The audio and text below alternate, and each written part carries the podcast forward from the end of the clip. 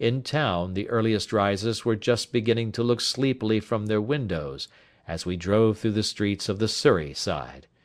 Passing down the Waterloo Bridge Road, we crossed over the river, and dashing up Wellington Street, wheeled sharply to the right and found ourselves in Bow Street.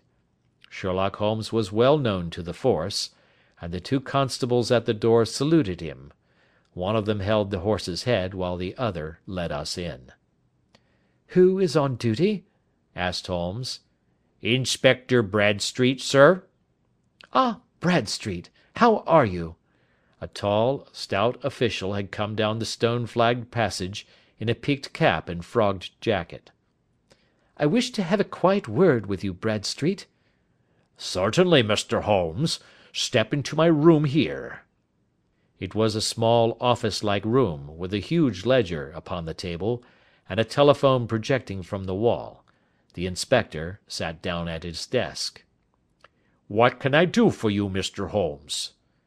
"I called about that beggarman, Boone the one who was charged with being concerned in the disappearance of Mr. Neville St. Clair, of Lee." "Yes. He was brought up and remanded for further inquiries." "So I heard. You have him here?" "In the cells." "Is he quiet?" "Oh, he gives no trouble. But he is a dirty scoundrel." "Dirty?" "Yes. It is all we can do to make him wash his hands, and his face is as black as a tinker's. Well, when once his case has been settled, he will have a regular prison bath and I think, if you saw him, you would agree with me that he needed it." "I should like to see him very much." "Would you? That is easily done. Come this way. You can leave your bag." "No, I think that I'll take it." "Very good. Come this way, if you please."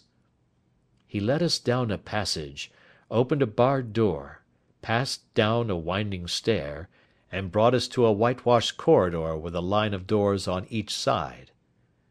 "The third on the right is his," said the inspector. "Here it is."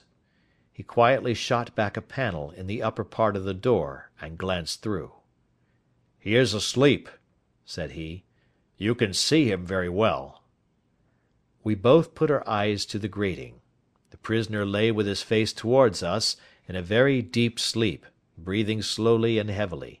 He was a middle sized man, coarsely clad as became his calling, with a coloured shirt protruding through the rent in his tattered coat.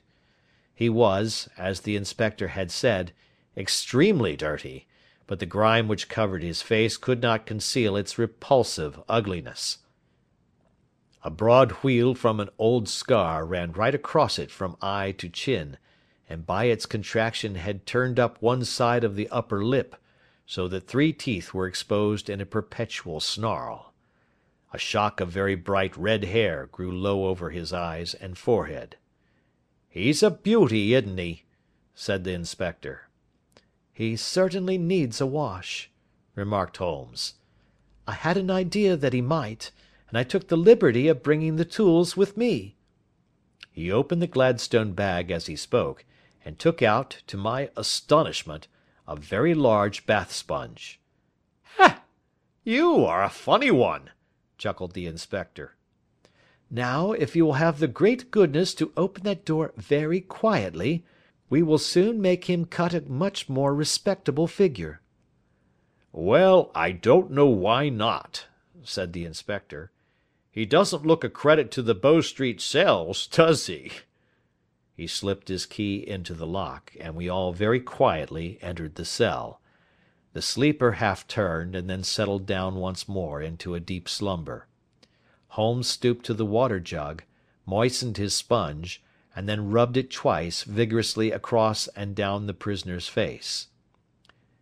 "Let me introduce you," he shouted, "to Mr. Neville St. Clair, of Lee, in the county of Kent." Never in my life had I seen such a sight. The man's face peeled off under the sponge like the bark from a tree. Gone was the coarse brown tint. Gone, too, was the horrid scar which had seamed it across, and the twisted lip which had given the repulsive sneer to the face. a twitch brought away the tangled red hair, and there, sitting up in his bed, was a pale, sad faced, refined looking man, black haired and smooth skinned, rubbing his eyes and staring about him with sleepy bewilderment. Then suddenly realising the exposure, he broke into a scream and threw himself down with his face to the pillow. "Good heavens!" cried the inspector. "It is indeed the missing man! I know him from the photograph." The prisoner turned with the reckless air of a man who abandons himself to his destiny. "Be it so!" said he. "And pray what am I charged with?" "With making away with Mr. Neville St.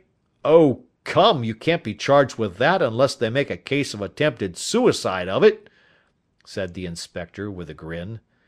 "Well, I've been twenty seven years in the force, but this takes the cake." "If I am Mr. Neville St. Clair, then it is obvious that no crime has been committed, and that therefore I am illegally detained." "No crime, but a very great error has been committed," said Holmes. You would have done better to have trusted your wife." "It was not the wife, it was the children," groaned the prisoner. "God help me, I would not have them ashamed of their father. My God, what an exposure! What can I do?" Sherlock Holmes sat down beside him on the couch, and patted him kindly on the shoulder. "If you leave it to a court of law to clear the matter up said he, "of course you can hardly avoid publicity. On the other hand, if you convince the police authorities that there is no possible case against you, I do not know that there is any reason that the details should find their way into the papers. Inspector Bradstreet would, I am sure, make notes upon anything which you might tell us and submit it to the proper authorities. The case would then never go into court at all." "God bless you!" Cried the prisoner passionately. "I would have endured imprisonment, ay, even execution, rather than have left my miserable secret as a family blot to my children. You are the first who have ever heard my story. My father was a schoolmaster in Chesterfield, where I received an excellent education. I travelled in my youth, took to the stage, and finally became a reporter on an evening paper in London. One day my editor wished to have a series of articles upon begging in the metropolis, and I volunteered to supply them. There was the point from which all my adventures started. It was only by trying begging as an amateur that I could get the facts upon which to base my articles. When an actor, I had, of course, learned all the secrets of making up, and had been famous in the green room for my skill. I took advantage now of my attainments. I painted my face, and to make myself as pitiable as possible, I made a good scar and fixed one side of my lip in a twist by the aid of a small slip of flesh coloured plaster. Then, with a red head of hair, and an appropriate dress, I took my station in the business part of the city, ostensibly as a match seller, but really as a beggar. For seven hours I plied my trade, and when I returned home in the evening, I found to my surprise that I had received no less than twenty six shillings fourpence. I wrote my articles and thought little more of the matter until, some time later, I backed a bill for a friend and had a writ served upon me for twenty five pounds. I was at my wits' end where to get the money, but a sudden idea came to me.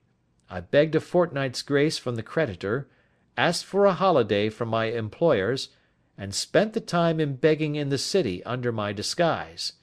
In ten days I had the money, and had paid the debt. Well, you can imagine how hard it was to settle down to arduous work at two pounds a week, when I knew that I could earn as much in a day by smearing my face with a little paint, laying my cap on the ground, and sitting still. It was a long fight between my pride and the money, but the dollars won at last and I threw up reporting and sat day after day in the corner which I had first chosen, inspiring pity by my ghastly face, and filling my pockets with coppers. Only one man knew my secret. He was the keeper of a low den in which I used to lodge in Swandam Lane, where I could every morning emerge as a squalid beggar, and in the evenings transform myself into a well dressed man about town. This fellow, a Lascar, was well paid by me for his rooms, so that I knew that my secret was safe in his possession. Well, very soon I found that I was saving considerable sums of money. I do not mean that any beggar in the streets of London could earn £700 a year, which is less than my average takings, but I had exceptional advantages in my power of making up, and also in a facility of repartee, which improved by practice and made me quite a recognised character in the city. All day a stream of pennies, varied by silver, poured in upon me, and it was a very bad day in which I failed to take two pounds. As I grew richer I grew more ambitious, took a house in the country, and eventually married, without anyone having a suspicion as to my real occupation. My dear wife knew that I had business in the city; she little knew what. Last Monday I had finished for the day and was dressing in my room above the opium den, when I looked out of my window and saw, to my horror and astonishment, that my wife was standing in the street with her eyes fixed full upon me. I gave a cry of surprise, threw up my arms to cover my face, and, rushing to my confidant, the Lascar, entreated him to prevent anyone from coming up to me. I heard her voice downstairs, but I knew that she could not ascend. Swiftly I threw off my clothes, pulled on those of a beggar, and put on my pigments and wig. Even a wife's eyes could not pierce so complete a disguise.